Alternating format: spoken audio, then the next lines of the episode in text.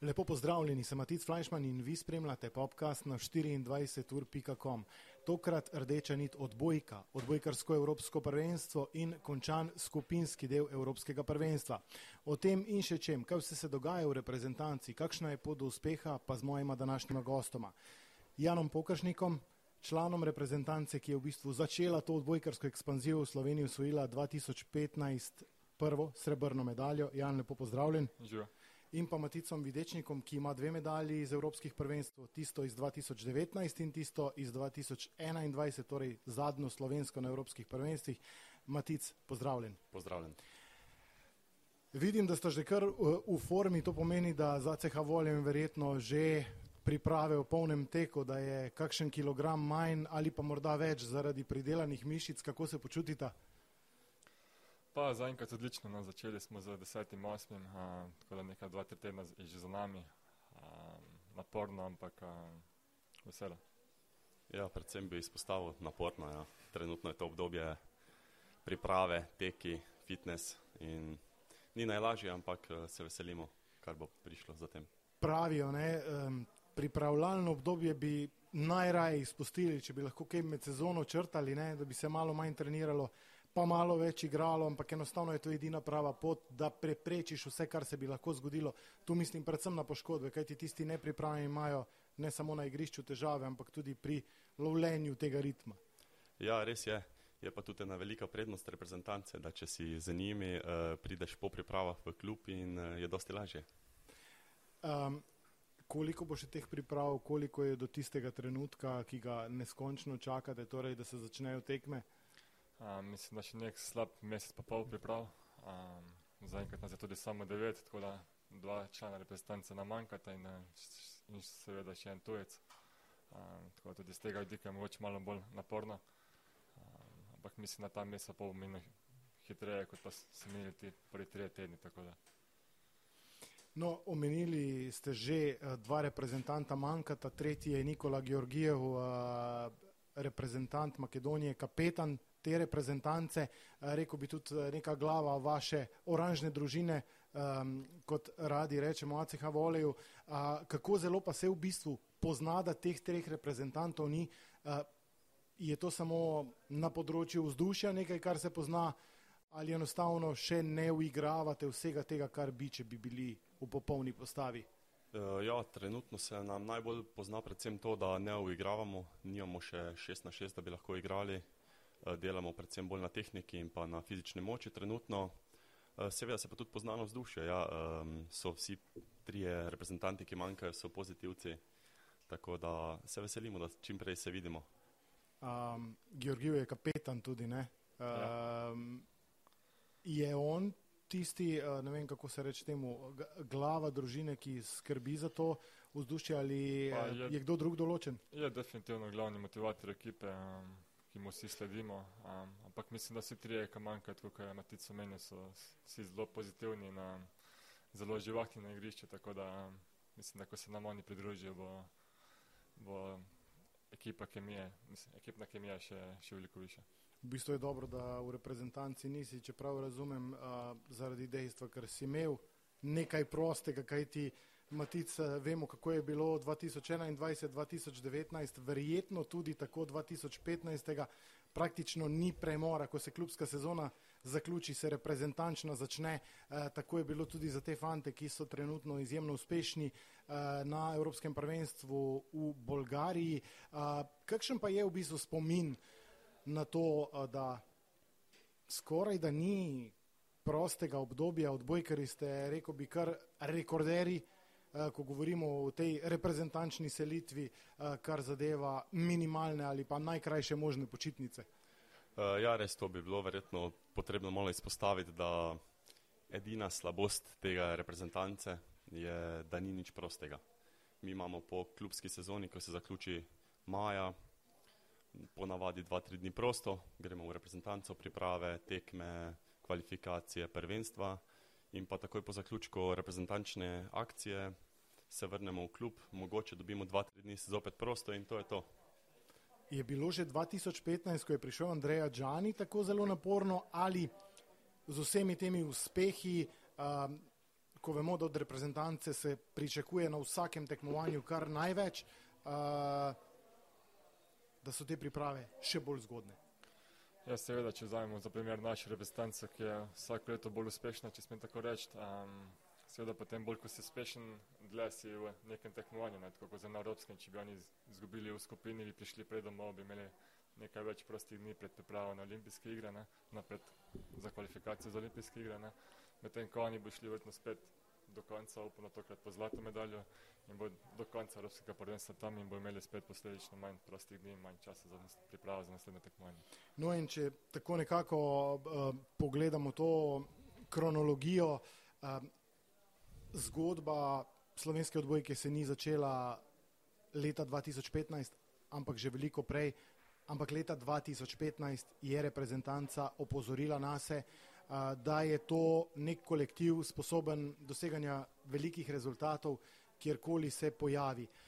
Jan, bili ste del reprezentance, ki je takrat vodil Andreja Džani, to je bilo nekaj čisto novega za slovensko reprezentančno odbojko, da pride nekdo s takšnim ugledom na slovensko klop. Verjetno je to bil tudi nek dodaten motiv za vse igravce, da se dokažejo nekomu, kot je Džanžo. Povejte mi, kakšen je spomin na tisto leto, kaj ti um, rekel bi, da če se 2015 ne bi zgodilo, vprašanje o kakšnih dimenzijah slovenske reprezentančne odbojke bi danes govorili. Ker ti prej ni bilo vse tako rožnato. Ne? Ja, res je. Mislim, da jedro ekipe že, že dobrih deset let ostaja isto.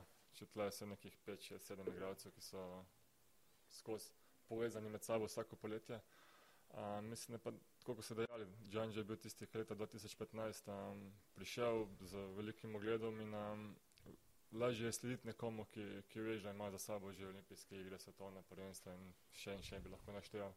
Medtem ko prej so bili tudi vseeno dobri trenerji, ampak um, uspehi so tiste, ko, ko so vsakemu cilj in um, ko nekdo je že to storil in ti pozna pokazati to pot, kako priti do tam. Um, to je tisto, kar šteje.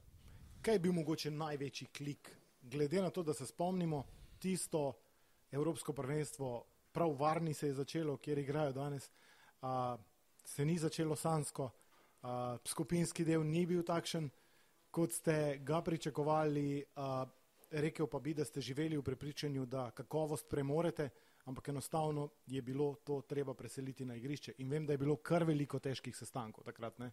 Ja, res je, restanca je sestavljena iz posameznikov, ki so igrali že že vrsto let v, v klubih na vrhunskem nivoju, ni bilo pa tistega klika v reprezentanci.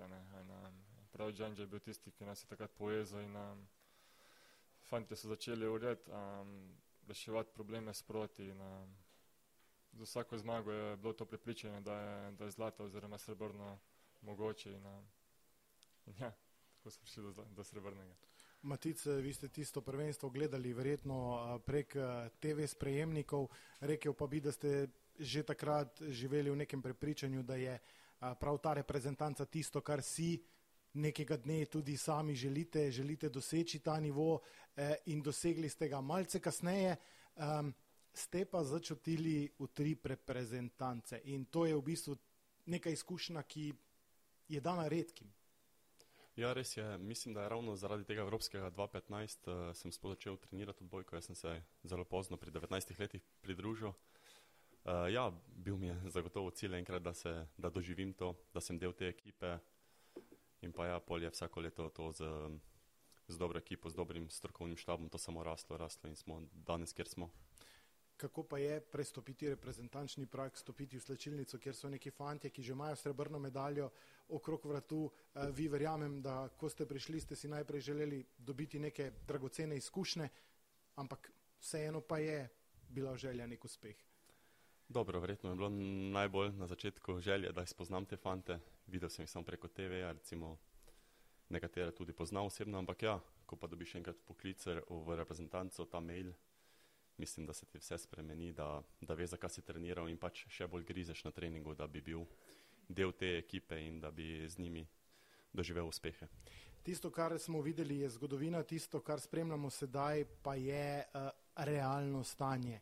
Uh, prav neverjetno se sliši, ampak na vseh poteh do medalj Slovenije eh, nikoli ni šlo gladko skozi skupino. Vedno je bil nek nenadejan padec, pa naj govorimo o stožicah ali pa o varni, eh, konec koncev tudi v Ostravi. Ni bilo vse tako, kot bi moralo biti, ampak razplet je bil fantastičen. Um, pet zmag, en izgubljen niz v skupinskem delu Evropskega prvenstva. Uh, vemo, da po imenih reprezentanc je bilo vse skozi govora o tem, ali Slovenija ali Bolgarija prva v skupini po, uh, po rednem delu tekmovanja, ampak vidimo, da um, vse reprezentance znajo igrati. Uh, če kogarkoli za hip poceniš, ti uide na 3, 4, 5 točk in ga težko ujameš. Um, Slovenija pa se mi zdi, da ima nek čist nov obraz, drugačen, ni predaje, uh, napadi dolgi, tudi 5, 6 izmenjav. Um, vse to, kar smo morda nekoč razmišljali, da se lahko zgodi danes, vidimo na igrišču. Kako vidva dojemata zdaj ta reprezentančni ustroj, to igro in predvsem te rezultate v skupinskem delu? Pa, jaz mislim tudi, da je del uspeha tega, ki ga zdaj žanjemo, to, da smo v svetovni ligi poskušali malo zaradi tega, ker nam manjka Tonček Štern na korekciji, ali bi bil primeren um, Klemen Čebul ja, ali Rok Možič, ampak zdaj mislim, da so najdli neko rešitev, da je Možič na korekciji, Čebul na sprejemu in jaz mislim, da je tudi to pripomore k uspehu. Jan, mogoče. Ja, ekipa je trenutno res na igrišču sestavljena iz nekih zelo izkušenih um, igralcev in potem so tukaj še Rok, recimo, in, in Jan, ki sta zelo mlada in um, zelo energetična in um, mislim, da so zdaj našli tisto pravo kombinacijo, ki so iskali čez poletje za, za prvih šest, sedem fantov na igrišču in mislim, da so jo našli. No. Um, vsaj za nadomestilo, da se tudi Tonček in um, Vinku ne vrnete. Ne. Georgi Krecu, tudi nekdo, ki je marsikaj spremenil. Um, kako vidite v bistvu njegovo vlogo pri tem uh, samem sistemu, uh, pri tej potrpežljivosti? Rekel bi, da kar gori celo tekmo, da potem eksplodira, ko se zgodi ena res dobra točka. Um, kolikor sem videl na njihovih treningih, uh, pogosto trenirajo te zelo dolge točke, se pravi veliko izmenjav in še lepo nekaj izmenjavah se začne igrati na tisto, da se akcija zaključi. Uh, se mi zdi, da neki nek naslednji level odbojke gledamo, morda skozi vajne oči. Uh, ja, jaz mislim pa, da tudi del tega razlike, ki jo zdaj doživljamo, je zaradi tega, ker pač prejšnji selektor, avstralec, mogoče ni bil najbolj primeren za našo temperamentno ekipo, za to, kar mi potrebujemo. Zdaj pa z novim selektorem so fantjem spet zagotovo vsi slepo sledijo, verjamejo njegovim besedam in jaz mislim, da se to pozna. Ja, mislim, da, da se vidi malo več potrpežljivosti, da, da fante gradijo vsako točko na, na nekih temeljih, poskušajo čakati na tisto pravo, pravo priložnost, da, je, da, res, da grejo olina, poskušajo dobiti točko in da se samo igrajo mogoče z nasprotnikom, da iščejo boljšo situacijo za naslednji moment. Um, kaj pa ogromno teka. Zdi se mi, da je ogromno tega gibanja po tem malem prostoru, da uh, redko vidimo situacije, ko kdo ne bi vedel, uh, kje mora stati v danem trenutku. Ali to enostavno pride s to dobro igranostjo, uh, s tem dobrim poznavanjem, glede na to, da se jedro reprezentance ne menja, ali je tudi to nekaj, kar je strokovni štab še bolj izkristaliziral, da dejansko fanti v vsakem trenutku vejo, kje morajo biti. Ja, jaz mislim, da strokovni štab je naredil odlično delo, da fanti točno vejo, kaj je katera naloga od koga. Tako da so pa tudi fanti, definitivno se poznala, so izven terena, vsi prijatelji, vsi se družijo po treningih, večernih se družijo v sobah. Mislim, da, da vse to pripomore na koncu k uspehu. Ja, mislim, da imajo vsi, vsi reprezentanti imajo vsak odbojkarski IQ, če smo tako reči, da vsi vejo od koga je kaj. In, um, tudi če smo si pogledali včerajšnjo tekmo pod Bolgarijo, je bila tam v končnici ena točka, ki je žoga preprosto padla na tla, pa je dobeni rešil. Um, so nekako stali mirni, um, Krecu jih je dobro pomeril, kljub temu, da je bil zelo odločilni trenutek in um, malo zatem smo tudi osvojili nisem. Zdaj vemo, kako je v Sloveniji, ko uh, nekdo niza no, dobre rezultate uh, euforija začne naraščati. Uh, verjamem, da če bi turnir bil v Sloveniji, bi že verjetno dva dni nazaj bile razgrabljene vse vstopnice za tekmo usmine finala. Um, zdi pa se mi, tudi po izjavah igralcev sodeč, da v reprezentanci pa ni nobene euforije. Zelo mirno, zelo trdno z obema nogama na tleh, uh, gledajo samo proti naslednjemu nasprotniku, torej proti Turčiji. Um, vse tiste napovedi o osvojitvi zlate medalje so nekako pospravili uh, po zadnjem treningu, ki so ga oddelali v Sloveniji. Uh, tudi to govori mogoče v ne vem, neki dodatni zrelosti, ki je potrebna, če želiš slediti zastavljenemu cilju. Ja, je nekaj mladih uh, igralcev, ki se je priključilo, oziroma tudi rok Možič je dobil uh, večjo vlogo v, v reprezentanci, ampak to mladost zna, se mi zdi, Tine zelo ključno vlogo ima, zna malo umiriti, zna po, po tekmi se vsedejo fantje, se pogovorijo, da je pač ta tekma za nami, da je treba razmišljati za naprej, za prihodno in pa mislim, da imajo fokus na pravem mestu. In tudi zdi se mi, ne, da eh, prav Tine, da si omenil, ne, da včeraj je bil en moment, ko enemu od igralcev nekaj ni bilo najbolj všeč, oziroma kot da ne bi dobil optimalne žoge za zaključek, pa je hotel nekaj reči in ko je Tine pogledal, ne, se je točno vedelo, koliko je ura. Kako so pa taki momenti pomembni? Recimo, vemo, ko se zaključuje neka akcija, ko gre morda za odločilno točko, se v 75 odstotkih ve, kako se bo odigralo in na koga se bo odigralo je tudi to zelo pomembno, da se točno ve, kdo ima glavno besedo na igrišču v tistem trenutku. Ja, seveda, sploh v tistih težkih trenutkih je zelo pomemben ta body language od vseh um, soigralcev. Um, vsak, vsak, vsak dobo na, naredil napako, sigurno, prej ali slej, ampak um, važno je, kako se potem odreagira po tej točki. No. Koliko sta z reprezentanti morda zdaj na vezi uh, z Janijem kot soigralcem, uh, ki je tam z Danielom, se kaj slišite med prvenstvom ali si date totalen mir drug drugemu, pade kakšna čestitka, ne vem. Uh, ja, z Janjem smo se srečali parkrat med poletjem, zdaj, ki imajo priprave, ko so imeli v Ljubljani. Um, slišimo se z nekaterimi, jaz sem predvsem v stiku z Žigecem Šternom, smo iz istega kraja, tako da in pa tudi z drugimi, jaz si dopisujem mogoče preko socialnih omrežij, ampak Veste, kako je zdaj, ne? zdaj imajo gužvo od vseh, vsi bi pritiskali na njih, vsi bi jih klicali in tako da po mojem najboljše, da jih pustimo na miru in da oddelajo svoje, ko pa se vrnejo, pa se bomo pogovorili. In zdaj prihaja Turčija. A, reprezentanca, ki je v preteklosti že mešala štrene najboljšim, a, letos so se tudi oni odločili za eno korenito spremembo, a, ki pa recimo tako v navednicah, ne, slovencem Eh, je težko najbolj pisano na kožo in to je, da je na njihovo klop sedel Alberto Giuliani, eh, ki je osvojil dve srebrni medalji, eh, slovensko izbrano vrsto in glede na to, kakšno jedro ima slovenska izbrana vrsta, zelo, zelo dobro pozna igravce. Matic, bom tu začel z vami. Vi ste delali pod Giulianijem, vi veste, kako funkcionira, vi veste, kako približno izgledajo pri njemu analize, čeprav njegov štab ni takšen, kot je bil takrat v slovenski izbrani vrsti. Koliko je to olajševalna ali pa oteževalna okoliščina za Slovenijo, da Giuliani vodi Turke? E, ja, pri Turki zdaj vidimo, koliko je pomembno, da so dobili enega dobrega strokovnjaka. E, ta italijan jih je povezal, naredil res vrhunsko ekipo iz e, posameznikov turške reprezentance.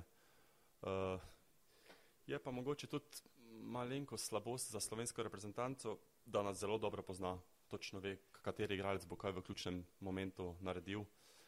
Ampak jaz mislim, da, da imamo mi to kvaliteto in da bi morali in bomo verjetno dobili to tekmo. Ker se mi zdi, da takrat v zgodovinskem polfinalu na Polskem v Katovicah ne, a, je zelo dobro vedel, ker ga je v klubu treniral, kako bo Fabijan Žizga podajal v ključnih trenutkih in se mi zdi, da je bil to eden od segmentov, da ste takrat pred ne vem, deset plus tisoč gledalci v spektakularnem polfinalu premagali tisto polsko namazano vsemi žalbami in s tistimi neverjetno dolgimi eh, video challenge.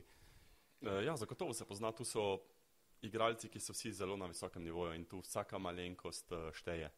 Vem, tudi hrana, tudi počitek, tu vse, vsaka malenkost odloča in pa tudi ja, te napovedi selektorja pozna se, ampak tudi slovenski reprezentanci Poljska zelo ustreza te njihove mogoče malo neprimerne, malo prljave stvari, kar jih počnejo, to nas še dodatno počke in pa pripomore. Uh, Jan, zdaj vemo, kako je s trenerji, vemo, kako je z igravci, uh, tu več ni skrivnosti, na tej ravni težko govorimo, analize so zelo natančne, uh, vsi posnetki so na dosegu roke. Um, kaj bi lahko bila recimo prednost Slovenije v odnosu na Turke? Morda največja prednost. Jaz bi rekel, da že dejstvo, da ne rabi Slovenija potovati, da ima dan več za počitek in da je navajena na dvorano v varni. Turki tja še le prihajajo iz Izraela. Je lahko to morda slovenska prednost? Pa sigurno je prednost, če si prej odigral tam pet tekem in napravil vse, ne vem, verjetno pet, šest, sedem, osem treningov. Um, sigurno je to velik plus. Um, Turki bojo verjetno zelo težek nasprotnik, ampak um, mislim, da tukaj več kot nekega osvojenega sveta Turkov preprosto ne vidim. Mislim, da imamo močnejšo reprezentanco, daljši vklop in mislim, da smo vseeno nadejali zmage. No. Adi Slagumdžija bo verjetno eden, ki ga bo potrebno zaustaviti, ampak vemo, ne, reprezentanca je celota, lahko kdo eksplodira, na katerega ne računaš. Um, po tvojem občutku, kako se bo Slovenija lotila priprav na to tekmo, oziroma kot sem videl včeraj, tistega veselja je bilo zelo hitro konec po zmagi nad Bolgariji, pozdrav navijačem in verjamem, da že transformacija v glavah na Turke. Ja, fanti se verjetno poveselijo po vsaki tekmi, dokler so v dvorani, še malo pogovorijo o tekmi, ki so jo osvojili. Potem pa jaz mislim, da že na poti v avtobusu proti hotelu se še začne ta transformacija na novo tekmo, začnejo razmišljati o nasprotniku, štab že ima verjetno pripravljene na nekatere posnetke, delno video analizo, tako da jaz mislim, da so že trenutno jih že verjetno kar dobro poznajo, že vejo, s kakšnim načinom bojo probali jih uh, zaustaviti in pa nadigrati. Um, kdo vaju je v slovenski izbrani vrsti v tem prvem delu najbolj navdušil? Hm, jaz mislim, da so mene so osebno navdušili vsi kot ekipa. Je pa res, da je treba izpostaviti tudi Alen Pajen, ki igra za leti, vsako leto boljše odbojko. Rok Možice odlično znajde trenutno na korekciji. Uh, Ropret uh, je prevzel to vlogo prvega podajača, zdaj po poškodbi Vinkota in jaz mislim, da tudi vrhunsko delo upravlja Tine, Čeba, vsi. Ja, res je težko izpostaviti samo enega igralca. Tudi če en od igralcev slabo začne tekmo potem nekako rešuje skozi, skozi druge elemente in um, prav težko najti samo enega. Um, res igrajo vsi odlično in um, tudi vsi mladi, ki, ki so dobili nekaj um, minut na igrišču, so, so to oddelali odlično. Tako da res um, ne morem se staviti za manjega. Sprašujem zato, ker sem bil prepričan, da bo sta oba rekla Jani Kovačič kot klubski soigralec, eh, čigar vloga ni tako zelo vidna kot pri tistih, ki dosegajo veliko točk, ampak je neskončno pomembna in zdi se mi, da tudi Jani naredil ta naslednji korak. Eh, mislim, da je igralec, ki bi lahko igral eh, na položaju Libera praktično v vseh najmočnejših klubih v Evropi. Ja, Janja verjetno malo pozabljamo, zato ker ne dosega teh točk, ampak vsi, ki se malo bolje spoznajo na odbojko in ko spremljajo, vejo, da je Jani pač nepogrešljiv del ekipe. Uh, je tako rekoč na njegovi poziciji med top 3 na svetu. Ima ogromno ponudb klubov, v katerih bi lahko igral, ampak uh, ja, ja, zelo smo veseli, da ostaja v Ljubljani in da bomo z njimi igrali. Kako pa je v bistvu, ko bo Jani prišel, verjamemo, da z medaljo v krokoratu spet nazaj? Uh, na trening. Eh, kako se vam potem vklopi, kako eh, se zgodi ta hiter klik, ne bo prvič, ampak vseeno vemo, a, imeti takega igralca ob sebi je nekaj dobrega. Prej ste že omenili, da gre za enega tistih, a, ki ima morda a, šalo več v rokavu. Ja, verjetno bomo na začetku malo težko, ko bo prišel za, za nekega evropskega prvenstva igrati pod slovensko ligo. A, mislim, da bo potreboval nekaj časa, da se prilagodi. A, ampak mislim, da ekipa, tudi naša ekipa, staja nekako nespremenjena.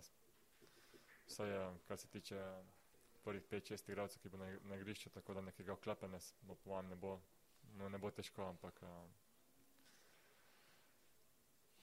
In še ena stvar je, um, rekel bi, da tudi s ciljem, da malce odpočije nosilce igre, uh, selektor veliko prostora na igrišču namenja igravcem, ki so v preteklosti igrali manj ali pa ki igrajo manj kot nosilci. In zdi se mi, da tudi oni vstopajo na teren vedno z maksimalno odgovornostjo. Uh, ker videli smo zadnjič recimo en primer, uh, ko ni bil en zaključek akcije takšen, kot bi moral biti, oziroma takšnega, kot si je selektor želel videti, je vzel takoj time out in igralcu dejal, ne, že pri zajtrku sem ti povedal, kam more ta žoga leteti. Um, kako je pa v bistvu za te mlade, ki prihajajo? Matic, vi ste bili en ta mladi, ki ste čakali priložnost in ste jo potem morali pograbiti z obema rokama. Vemo, najlepše je, če te dajo na igrišče za servis, ne, začetni udarec idealen, pa morda odločilna točka, kot je bilo, mislim, da v Ostravi, ne, uh, v enem vašem primeru. Tisto občutek je res dober. Ja, eh, zelo je pomembno tudi, da, da vidiš, da ti trener skozi treninge zaupa, da, da, da ti daje priložnost, da ni vsaka napaka, ki jo narediš, kar je normalno, da jo narediš, eh, katastrofa.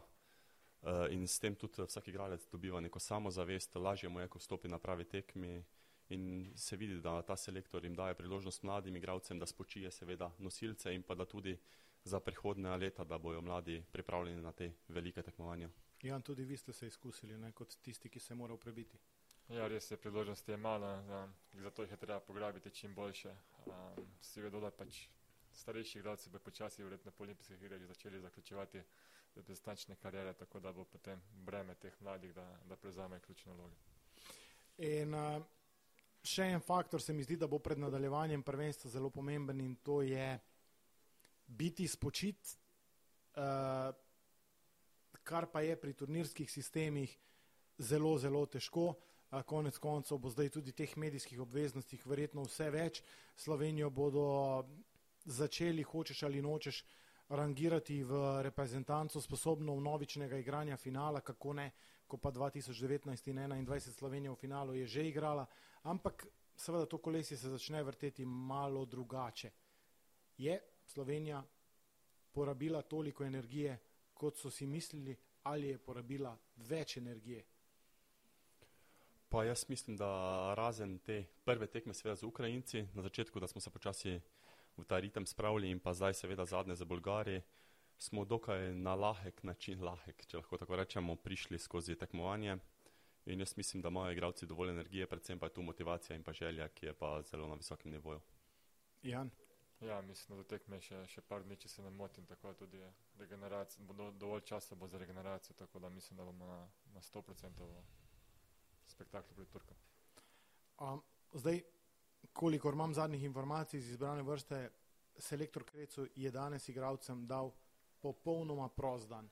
Torej, nobene dvorane, nobenega fitnesa, prosto, um, verjetno to pomeni tudi, da je možnost daljšega spanca, kakšne terapije več.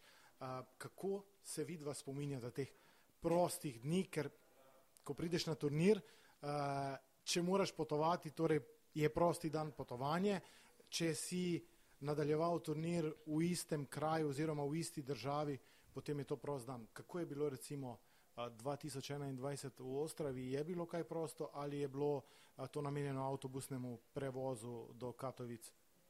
Ja, mi smo takrat proste dni izkoristili za potovanje, ampak jaz mislim, da bojo fantje se dobro odpočili, nekateri bojo kar verjetno spali do kosila, potem pa cele dan terapije, kakšna kavica, mogoče v mestu, malo rahev, rahev sprehod in jutri bo že zopet pripravljeni na nove treninge. Vi ste imeli takrat trnavo pot, ne od 2015, je lahko Džani vam privoščil dan počitka ali je bil to dan dela? Ja, bolje je bil dan dela kot dan počitka, ampak vseeno mislim, na naši dan se bodo izkoristili kak bazen, kakšno skok v morje, za, da si malo spočijejo glave in malo odmislijo odbojko za vse en dan in se potem popolnoma fokusirajo na tekmo. Matic, eh, kdo je tisti največji v navednicah za spanuhu reprezentanci, kdo je tisti, ki preživi največ časa eh, na terapijah? Ja, mislim, da to je ista oseba. Uh, to je pa zagotovo je Tine. Tine, če ne bi imel verjetno budilke, bi tudi kosilo prespal. Je že pri vas bilo ja, tako? Seveda in tudi prvi vrsti za terapije. Uh, ve, kako se dobro pripraviti in regenerirati, tako da uh, vzame vsako minuto za to, kako lahko. Ampak um, sem pa slišal neko anegdoto, ne, da se ve, kako je s terapijami, uh, kakšen je urnik terapij, kdo pride na vrsto prvi, kdo pa je tam bolj pri koncu, se pravi tisti, ki gre krepko v polnoč, da še, da še leže na mizo. Matic nam lahko izdate kaj okoli tega, kako je bilo, kdo se je zagrebil, v bistvu, kdo je sploh imel besedo, kdaj bo na vrsti. Ni zdaj točno določen nek urnik, ja, kdo ima prednost, kdo, ima, kdo pride na zadnjo vrsto, ampak mislim, da se ve. Tisti fanti, ki igrajo, ki so verjetno malo starejši, imajo prednost, tudi potrebujejo malo več terapij. Mlajši igravci in pa tisti, ki manj igrajo, pa pridejo na vrsto mogoče po dopoldanskem treningu in pa pozno, pozno v noč, po polnoči. Mogoče še eno vprašanje, ki eh, se lahko zdi komu smešno, ampak je, rekel bi, kar pomembno prehrambene navade. Toliko kot pokurijo odbojkari med pripravami je eno, koliko med turnirjem je nekaj drugega. Ali se je v reprezentanci recimo prehrana spreminjala od obdobja, se pravi, a, priprav, pa potem, ko ste prišli na turnir, a, je bilo, ne vem, svetovano, mogoče tega pa tega ne toliko ali pa sploh ne? Pa mislim, da tu pri starejših igralcih ni problema, da si vejo, kako skrbeti za svoje telo, kaj jim ustreza na dan tekme, kaj jim ne ustreza. Um, verjetno bolj je potreben nadzor, verjetno bolj pri, pri mlajših igralcih, ki pridejo v reprezentanco, pa vidite oljo, ki ni bofe, pa vse sladice, pa to, pa da jih je potrebno se nekako kontrolira, da, da ne pojejo preveč. No. Matic.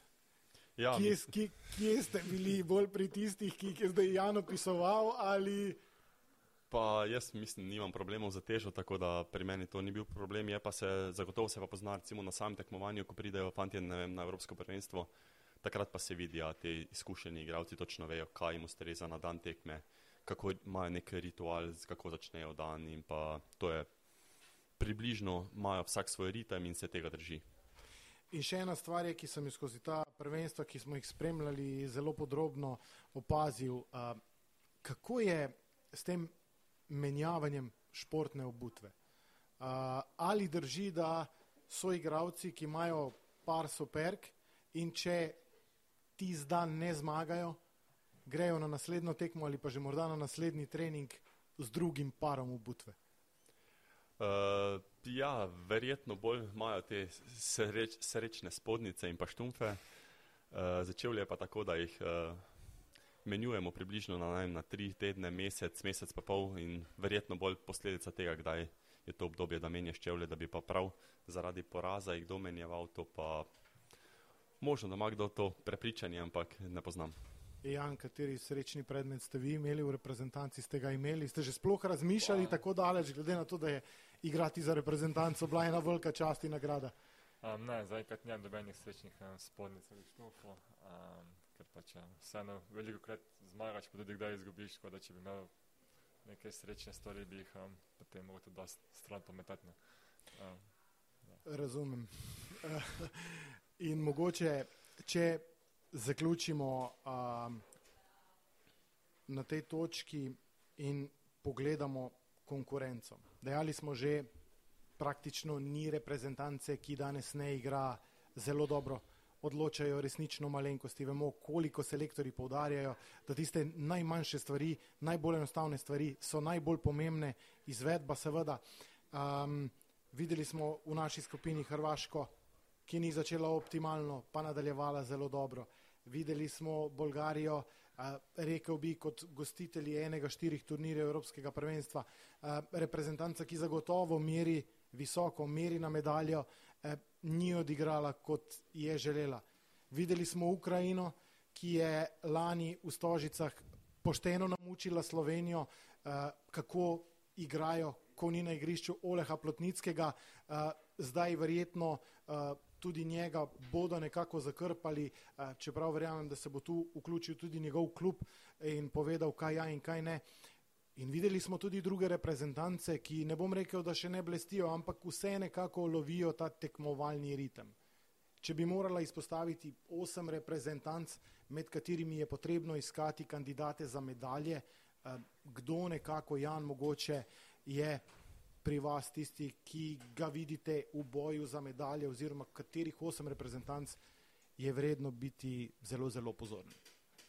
Um, mislim, da na naše sosede Italijane um, Mislim, da so oni zaenkrat največji favoriti za sveta evropskega naslava. Imajo odlične reprezentance in um, pogledal sem si tudi dve njihovi tekmi na letošnjem evropskem prvenstvu in um, res so dobri.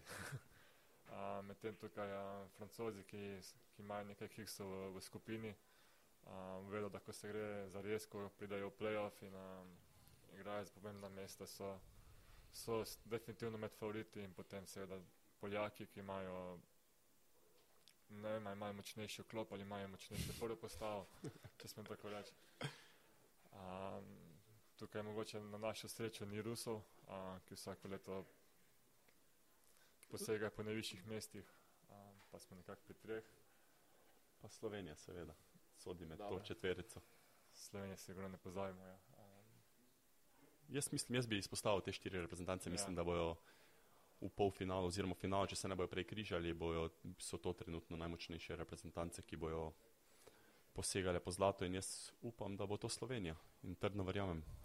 Ja, vi ste bili za Slovenijo na Evropskem prvenstvu zdaj najbližje zlatu, tri proti dve proti Italiji. Verjamem, da se še kdaj spomnite vsega tistega dogajanja uh, v Katovicah. Um, ti Ital italijani, ki takrat še niso merili na zlato, namreč njihov vrhunec s Fefejem de Đorđem naj bi bile olimpijske igre, uh, pa se mi zdi, da so kar prehitro eksplodirali. In imajo nekaj, kar imajo redki, kar je redkim dano, dva levičarja, ne? Jurija Romanoja in pa Alessandra Mikieleta. Mogoče za vaju dva še samo to vprašanje, kaj pomeni imeti levičarja v ekipi, a, ko govorimo za nasprotnika, kaj ti postavljanje bloka je drugačno. Videli smo zadnjič tudi situacijo pri Alenu Pajenku, ki pravzaprav ni natančno vedel, kam usmeriti roke, ko je levičar uh, pritekel v situacijo, ki tam ni bil planiran, je neka specifika in je redkim dana. Ne. Poljaki imajo um, tudi enega takega igralca, šljivko, ne, ampak nimajo pa vse reprezentance tega in težko se je na to navaditi. Ja, zagotovo se pozna, predvsem, če nimaš v reprezentanci kot celoti nobenega levičera, da bi na treningu vadil to, da bi bil pripravljen na to. V bloku je zagotovo drugačna postavitev in pa tudi obramba žoga prileti uh, do igralca pod drugačnim kotom, z drugačno rotacijo in je malo nenavadno in se je kar potrebno navaditi tega. Jan, si imel možnost, da igrati z levičarjem? Um, možnost, ja. Me, imeli smo tudi mi reprezentanci Vilja Jakopina, če se ga spomnite. On je bil isto odličen levak. Mislim, da je problem predvsem to, ko večino časa treniraš z desničarji, se čuje se z desničarji in potem um, tudi te levičarji včasih malo presenetijo, kot nas je mogoče presenetiti takrat Romano v, v finalu v Katovicah. No, verjamemo, da nas tokrat ne bo, da bo Slovenija pokazala še nekaj več od tega, kar smo videli že v skupinskem delu. Konec koncev bo to potrebno, če želijo izpolniti zastavljeni cilj. Matic Videčnik, Jan Pokršnik, hvala, ker sta bila gosta našega popkasta. Hvala. Hvala vam. Tako s tem eh, zaključujemo popkast posvečen Evropskemu prvenstvu v odbojki, na katerem Slovenija blesti, pet zmag v skupinskem delu in zdaj se turnir za varovance Georgija Krecuja pravzaprav šele dobro začenja. Spremljajte našo spletno stran še naprej in hvala za vašo pozornost ter nasvidenje. Basta così?